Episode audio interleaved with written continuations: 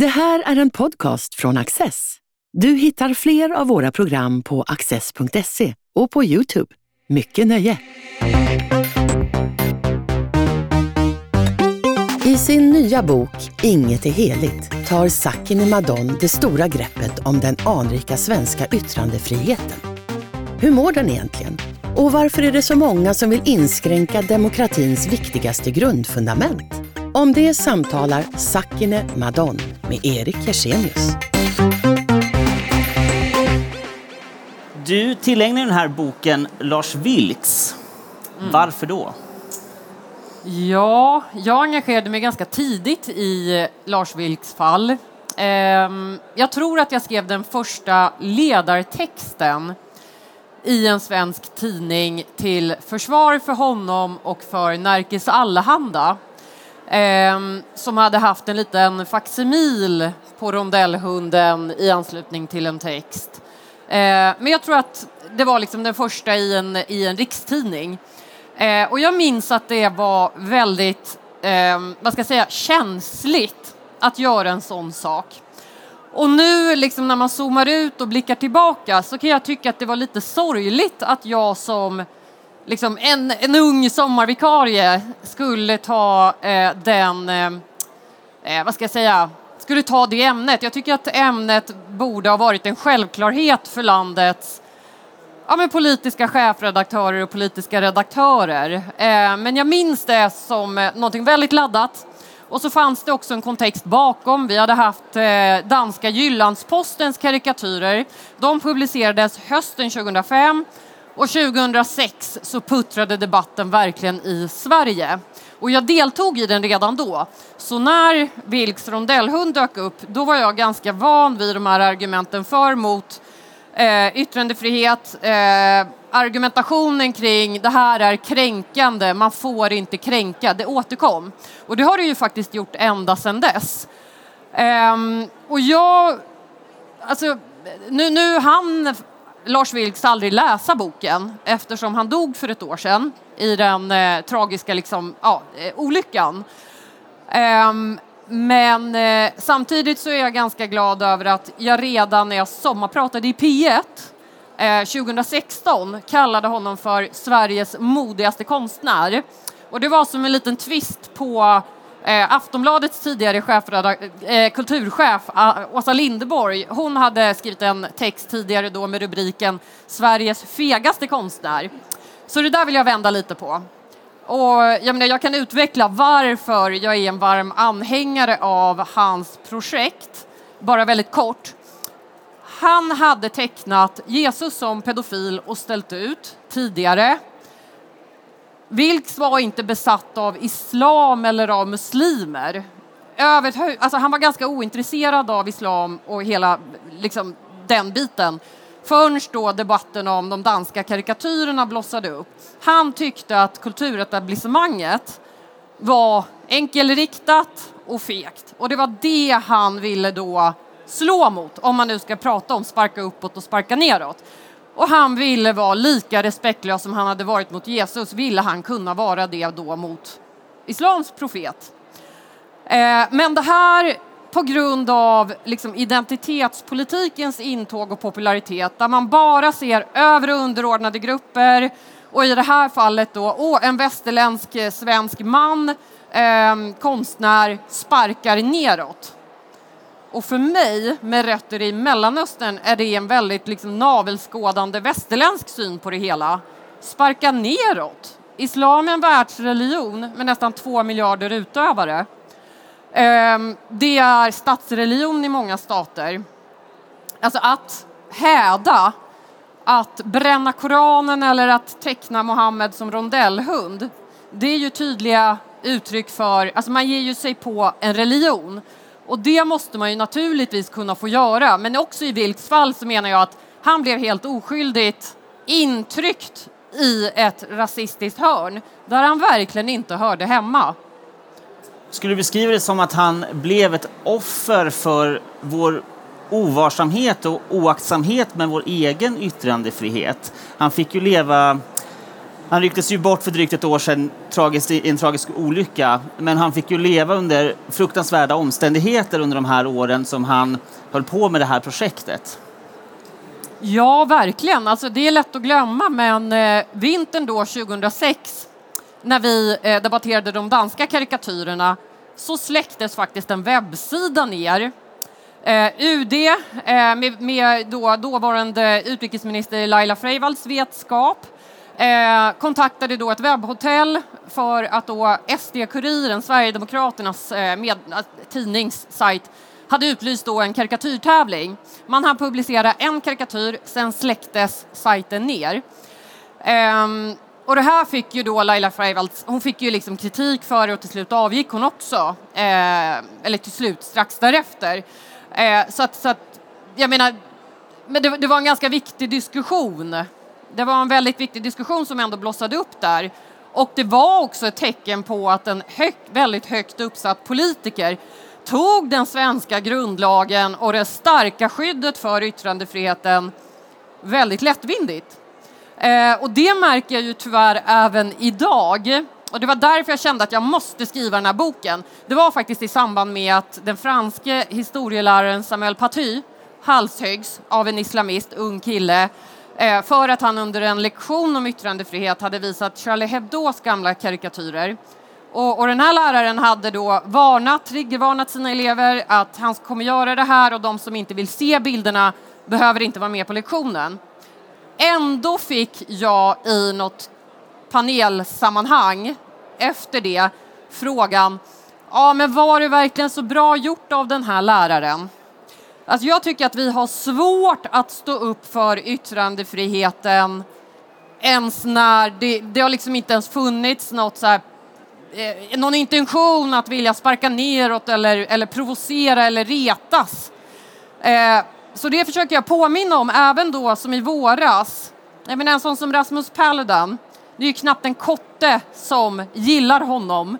Eh, jag kommer inte ihåg hur många röster han fick i valet, det var extremt få. Eh, men men det, yttrandefrihet handlar ju liksom inte om vem man gillar eller vem man, utan det måste, det måste ju gilla även de vi ogillar. Det är ju en inställning till det fria ordet. Det handlar ju inte om liksom min, jag, jag, jag eh, och mina kompisars yttrandefrihet eller mina kompisars demonstrationsfrihet, utan det handlar ju faktiskt om att även då acceptera din fiendes yttrandefrihet. Jag menar yttrandefrihet för, som jag sa till Aftonbladets eh, politiska chefredaktör vid något tillfälle, vi debatterade det här i Aktuellt, eh, om, om demonstrationsrätten. Då sa jag det, ja men Anders Lindberg, det är ju ingen som vill inskränka din och min yttrandefrihet. Det är självklarheter. Men det är just i de här väldigt svåra fallen med personer som Paludan eller med NMR för den delen. Det är ju där våra liksom, gränser testas på allvar. Och det är där det blir, alltså det, det måste vara som mest meningsfullt att överhuvudtaget försvara då yttrandefriheten. Om vi bara försvarar den för sånt vi själva gillar, jag menar det, det är ju inget, då, då, är det inte yttrandefrihet man försvarar, då är det något annat man ägnar sig åt. Visst var det så eh, när du började skriva boken att du egentligen började med ett projekt om att skriva om John Stuart Mill, den brittiske filosofen, eh, och som också har formulerat viktiga principer just för, för yttrandefriheten. Eh, lite kort bara, den ingången. Ja, jo men eh, jag höll på att säga så här som gammal folkpartist, när jag har en bakgrund i Liberala ungdomsförbundet. och då skolar man verkligen in i liksom Mills, eh, man marineras liksom i de här ja, eh, 1800-talsfilosoferna och, och filosofer även innan dess. Eh, om, man, om man är lagd åt det hållet, och det, det är klart jag är. och Mill är ju verkligen en sån här, han formulerade då redan på 1800-talet, så ett så otroligt alltså tidlöst försvar för yttrandefriheten. Ehm, och det handlar helt enkelt om att har vi ett fritt samhälle där åsikter får brytas mot varann Eh, då gynnar det sanningen, det, det gynnar liksom vetenskapen, det får oss att mogna som tänkare. Eh, har man inte yttrandefrihet då, då blir vi inskränkta, vi fastnar med stela dogmer och det där varnade han verkligen för. Eh, sen hade han ju också något som han kallade för en skadeprincip. Alltså det finns också yttranden som övergår i hot och, och liksom uppvigling. Eh, och det tyckte inte heller han skulle vara, att det skulle vara fritt fram för det. Och det tycker inte jag heller. Eh, men hans då, de här eh, principerna kring liksom varför det är bra med yttrandefrihet, de är ju verkligen tidslösa. De gäller ju än idag. Jag kan ju liksom copy-paste. Nu, håller inte jag på att plagiera folk, men jag, jag, tycker ändå att det är så otroligt fascinerande eh, Eh, med, med Mill. Men även i Sverige har vi ju faktiskt en jättespännande historia. Ehm, jag menar Forsskål... alltså det, det, det finns en, Sudenius naturligtvis, alltså det finns en rad olika personer som har faktiskt riskerat livet, offrat livet för den frihet vi har idag. Människor har torterats till döds även i Sverige för sådana saker som rätten att häda. Och vi glömmer lätt eh, historien och det där tror jag är ganska farligt. På senare år har det ju utretts eh, Eh, och faktiskt kriminaliserat sen i somras deltagande i rasistiska organisationer. Ehm, och då, då, vill jag återigen påminna om den svenska historien. Under andra världskriget då var det aktuellt, då ville högerpartiet drev på frågan om att förbjuda kommunisterna. Men Socialdemokraterna som hade trakasserats av att fängslas för sina åsikter, få sin demonstrationsrätt indragen under, när det, arbetarrörelsen var ung eh, vid skiftet 1800-tal, 1900-tal. Jag menar Palm, Branting, människor sattes i fängelse för att de då representerade socialdemokratin. Och socialdemokratin under andra världskriget hade det här färskt i minnet, så man argumenterade väldigt principfast då mot partiförbud. Ehm, men då idag tycker jag, när jag läser då, eh, det gjordes en ganska omfattande utredning eh, om det här med parti, organisationsförbud eh, under gångna mandatperiod. Och där, tyvärr, så saknar jag det här principiella motståndet mot förbud. Det handlar inte om att man inte tycker att det är fruktansvärt med NMR och nazistiska och rasistiska organisationer. Men det handlar om just den här inställningen till demokrati och yttrandefrihet och varför man även måste tåla även extrema åsikter, även förintelseförnekande. En annan sak som eh, Morgan Johansson och, och regeringen tillsatte en utredning om, om att man ska förbjuda förintelseförnekande och man ska förbjuda fler symboler som används i rasistiska sammanhang. Så det här är ju såklart en bredare fråga än, än just rätten att häda. Men, eh, men jag tycker mig se den här bristande förståelsen för så fort det är någonting folk inte gillar så är det så lätt att ropa efter censur och förbud. Och då tänker man inte att, ja men vänta, om vi förbjuder rasistiska organisationer idag, ja vi är med en annan regering så kommer det komma krav på att förbjuda även då vänsterextrema och autonoma grupperingar från att demonstrera. Så att, eh, jag menar, håller man inte kvar i principer så är det plötsligt är man liksom censurerad själv och det tänker inte så många på. Eh, det här organisationsförbudet är ju också mycket knepigt nu när vi har som näst största riksdagsparti som också har beskrivits som ett brunt parti eller ett rasistiskt parti eh, som har den positionen har nu. Och det, det säger ju också någonting hur knepigt det är med den här typen av förbud. För vad, vad är det egentligen? Och, eh, vad får människor rösta på och hur får de organisera sig? Ja, precis. Och, och, Norge brukar man ju peka mot för att eh, i Norge så förbjöd man ju NMR Um, ehm, och jag menar, det, det, det, är en gruppering som... Uh, jag menar, jag tvingas leva med skyddade personuppgifter på grund av just högerextrema i den miljön. Um, så ibland får jag den här reaktionen att vadå, vill du tillåta dem demonstrera? Vet du inte, att de är, vet du inte vad de liksom är för några? Tro mig, jag vet vad de är för några. Men jag är faktiskt mer rädd i, för att leva i ett samhälle där i ett liksom fritt och öppet samhälle där det inte också är tillåtet att få vara en idiot, att tro på konspirationsteorier, att tycka att jag är hemsk bara för att jag har, en, eh, har rötter i Mellanöstern eller vad det nu kan vara. Jag tror ju inte att deras fruktansvärda idéer och konspirationsteorier försvinner med förbud. Och sen tycker jag också att, och det här för att återgå till Mill, han har ju också ett moraliskt försvar för yttrandefriheten. Det handlar inte bara om att samhället och demokratin blir bättre, att forskningen går framåt, utan det är också moraliskt fel att använda staten till att tysta en enda människa. Även om alla andra tycker att hon har fel, så är det fel. Och det, det sympatiserar jag också otroligt starkt med. Eh, just den, liksom, även då eh, den enskilda människans, ja men det kan vara så att man har fel, det kan vara så att man är en rasistisk idiot, men man ska ändå få lov att vara det, för alternativet är mycket sämre. Vi, har, vi får nu liksom din eh, filosofiska, ideologiska övertygelse kring yttrandefriheten. Eh, men du var också inne lite tidigare här på, på på det personliga planet, alltså från, från dina egna erfarenheter och din familjs, din, din släkts erfarenheter. Du kan väl berätta om den ingången också, så att säga? Um, mina föräldrar var fackligt aktiva i Turkiet. Ehm, det, jag är född samma år som militärkuppen 1980. Ehm, och, och på grund av deras fackliga engagemang så fängslades de Eh, vi barn skickades till olika släktingar för att tas om hand. Jag trodde när jag var liten att min farmor var min mamma. Så vi och, mina föräldrar var efterlysta och vi hade ingen annan utväg än att försöka fly. Eh, de hade vänner som blev, en man blev ihjältorterad för att han vägrade ange var vi gömde oss.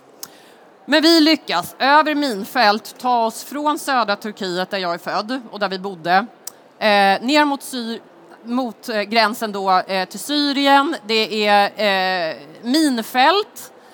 Eh, bland mina starkaste barndomsminnen är just flykten. Eh, men vi överlever uppenbarligen. Vi lyckas ta oss till Syrien och sen då till Sverige. Eh, mina föräldrar var socialister. Eh, den ena är faktiskt också fortfarande. eh, och, eh, eh jag menar, och när vi då kommer till Sverige så får de då gå i sitt första första maj-tåg i frihet våren 1985 när vi har kommit till Sverige. Och de upplever det som någon slags, de upplever någon slags glädjechock. Ingen arresteras. Ingen släpas in i en mörk bil ingen skjuts ner. Alltså det, det, är liksom, den svenska polisen hjälpte till och med till med såna här vägkoner. Och jag är ju bara en femårig liten flicka, men jag minns det. Och sen så finns det en rad olika sådana exempel. Jag menar, jag var livrädd för Ny Demokrati i, i, mitten av, eller i början av, av 90-talet när de dök upp. Eh, där, där vi hemma hos mig ändå var, även om liksom mina föräldrar aldrig i livet skulle rösta på dem, så när det ringde någon på dörren från Ny Demokrati så bjöds de in på kaffe. Jag fattar ju ingenting. Alltså jag var ju barn och tyckte det där var, men gud vad håller de på med? Men då sa pappa, nej men självklart kommer jag inte rösta på honom. Men han ringde på, han ser uppenbarligen att det är ett invandrare efternamn och vill han prata politik så kanske jag kan övertyga honom om någonting. Så den inställningen, ibland säger folk så här, ja ah, men eh, det är liksom ö, identitetsvänstern, vänstern sådär. Och då, då, brukar jag alltid säga, ja ah, men vänta, eh, klumpa inte ihop vänstern heller. Alltså det finns, det finns eh, som i identitetspolitiken så finns det faktiskt yttrandefrihetsförsvarare även på vänsterkanten. Och jag har ju också debatterat mot, mot folk som kallar sig för liberaler som tycker jag har fel. Så att det är lite mer komplext än att bara liksom... Men just i den här typen av frågor i alla fall så har jag fått det väldigt mycket hemifrån. Det är ju därför just demonstrationsrätten, jag menar det, som jag skriver i inledningen redan, man skriver det, man, försvar, man ger sig inte ut i de här känsliga debatterna för att få ryggdunkningar. Jag blev faktiskt utskälld igår av en man som var jättearg på mig. Eh, det, det, är liksom inte så att så här, journalistkollegor bara wow, du stod upp för NMRs demonstrationsrätt. Oj vad du liksom, heja dig. Det är inga så retweets i, i, i massor, det kan jag lova. Eh, eh, så är det, men samtidigt måste man ju tro på möjligheten att, eh, jag menar jag tänker att ja, eh, det måste finnas någon form av så här, yttrandefrihetsgalning också, även i svensk debatt. Mm. Eh, det är ju, den svenska yttrandefriheten har ju egentligen en lång tradition och vi har väl den egentligen tidigaste yttrandefrihetslagstiftningen också. Eh, och sen är det klart att det har varit en process i hur den har förändrats och sådär. Men vad tänker du kring det att vi är så um, oaktsamma med den nu när vi ändå har den här långa traditionen och vi har strider som sagt för att vinna den, att få det här utrymmet som individer. Vad kan det bero på? Varför har vi hamnat i, i den här situationen? Jo, men en tes som jag eh, driver i boken bland annat då, är ju att eh, i takt med identitetspolitikens popularitet så har vi ibland då svårt att hantera sådana frågor som ja, men Vilks rondellhund, koranbränningar, eh, de här fenomenen vi har sett. Jag menar, identitetspolitiken tycker jag också har märkt, jag har ganska många exempel på det också, eh, inom universitetsvärlden, inom media och eh, i kultursverige inte minst. Jag menar, man plockade ner eh, Elisabeth Olsson vars utställning Ecce Homo skapade jättemycket eh, kalabalik liksom, när den kom i slutet på 90-talet. Då stod ju ändå institutionerna upp för hennes, tycker jag, väldigt viktiga grej som hon gjorde då. Eh, men när samma Elisabeth Olsson 2010 eh, ställde ut utställningen Jerusalem här på Världskulturmuseet i Göteborg då var det en tavla i den utställningen som togs ner. Det var på fotografier av hbtq-personer med de tro, tre eh, stora världsreligionerna närvarande i bilderna. En togs ner och det var en bild på tre homosexuella muslimska män.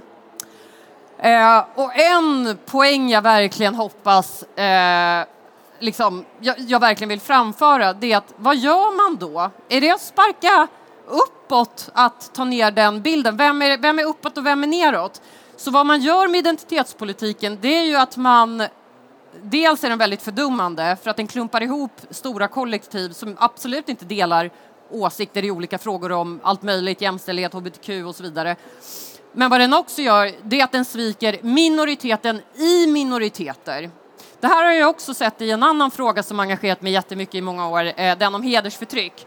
Det blir liksom väldigt svårt att hantera. Folk som vanligtvis pratar om normkritik och vikten av att liksom barn ska välja och inte tyckas in i könsnormer. Plötsligt hittar jag dem som mina debattmotståndare i debatten om könsseparata badtider som inkluderar barn. Så att man hamnar i en väldigt, jag tycker inte att det är en logisk ståndpunkt för progressiva som jag faktiskt såg även i samband med vårens påskupplopp där jag debatterar i tv mot en person som eh, är känd för att vilja liksom bryta mansnormer, eh, kalla sig progressiv, plötsligt ordnar en namninsamling för att förbjuda koranbränning. För mig går inte riktigt det ihop. Historiskt har det alltid varit progressiva och liberaler som har tjatat om ökad yttrandefrihet, som har stridit mot då, dåvarande då kyrkans makt över censuren och, eh, och kungen och den typen, alltså den tidens då stora auktoriteter. Eh, men med identitetspolitikens intåg så hör man plötsligt och folk som vanligtvis kallar sig progressiva börja försvara, liksom, menar, ja, eh, ifrågasätta rätten att häda och så vidare. Så jag, tycker att det är en extremt fascinerande sak. Men, men jag begriper den ärligt talat inte helt. För det, det är intressant också, vi har ju inte haft någon, någon form av hädelseparagraf eller så på 50 år. Men helt plötsligt så är vi i en diskussion nu i samband med koranbränningen exempelvis där eh, eh, muslimer ska bli fredade från vissa demonstrationer eh, under Ramadan. Exempelvis, den typen av förslag. Alltså, hur, hur landar vi i det här landet där vi också har eh, gått så långt i sekularisering? Hur landar vi i att vi får en sån oerhörd respekt helt plötsligt för i synnerhet en minoritetsgrupps eh, intressen? Men det är ju för att man ser det väldigt mycket som över underordnade grupper, en förtryckt minoritet. Och jag är väl medveten om att det finns ett hat mot muslimer, det finns fördomar om muslimer. Jag får själv den typen av kommentarer och mejl eh, med konspirationsteorier om liksom min bakgrund och du tycker egentligen det här och det här och du vill, ja men det är olika såna teorier om att muslimer ska erövra Europa och så vidare. Så ja, det finns. Det är ett problem, men rätt lösning är ju inte att förbjuda hädelse. Partiet Nyans är ju ett så intressant fenomen som har dykt upp. Eh, de vill ju bränna ner Lars Vilks Nimis. Eh, de eh, vill eh, att man alltså kriminalisera Mohammed-karikatyrer, koranbränning. Så ibland tänker jag så jag bara, åh, vad en, om folk frågar vad jag tycker om någonting, jag bara, eh, tvärt emot vad Nyans tycker. Alltså det, är, det är verkligen en så intressant motpol.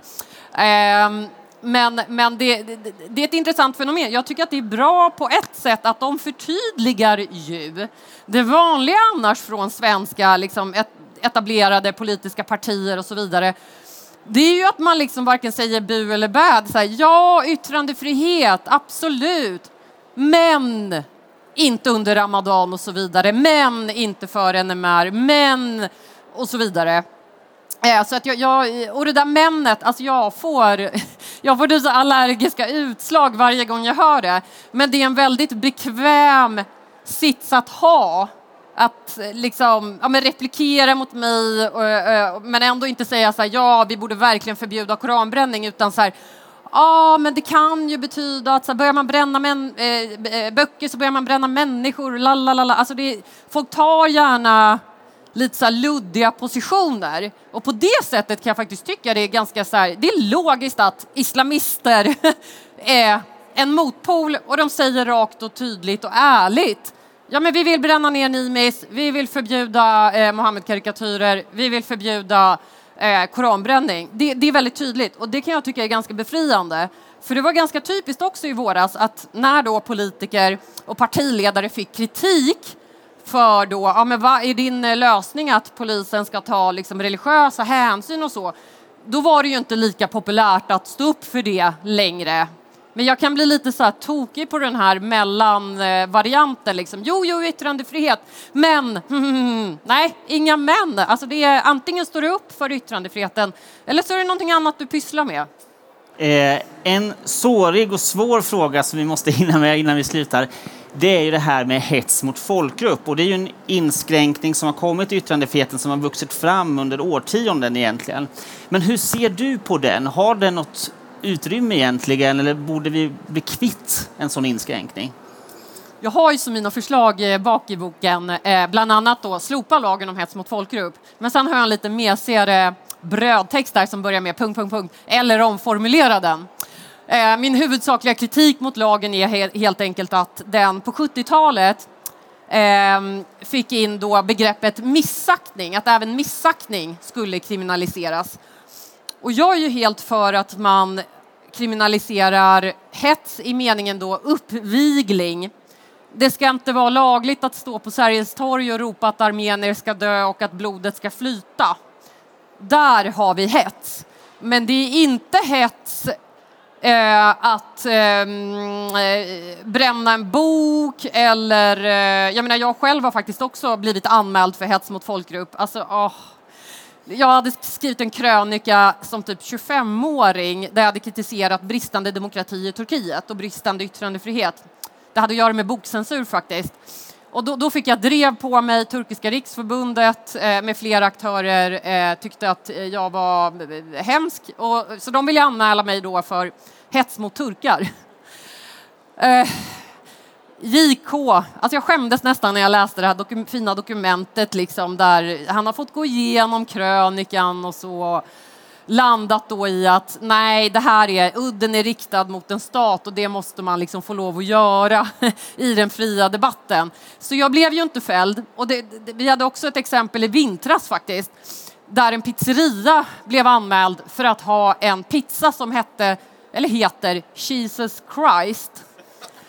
Eh, ja, men alltså man kan garva åt det, men det, det, min poäng är så här, rättsväsendet ska inte ägna sig åt det här. Ja, det, det ger roliga, roliga stunder när man läser om dem. Eh, det är lite humor, men det är verkligen ingenting man ska belasta JK och, och rättsväsendet med. Utan det viktiga, det är att när jag blir allvarligt hotad, det är då jag vill att rättssamhället är starkt och att man får den hjälp man, man liksom ska ha. Men inte det här att oj, hela den här liksom kränkthetsdiskussionen och, och eh, den kan, vet jag att jag inte ens hinner gå in på. Nej, det, vår, vår tid närmar sig slut här men, eh, och vi skulle kunna prata hela kvällen säkerligen. Men tack så jättemycket Sakina och tack till alla er som kom och lyssnade. Ja, tack. Tack.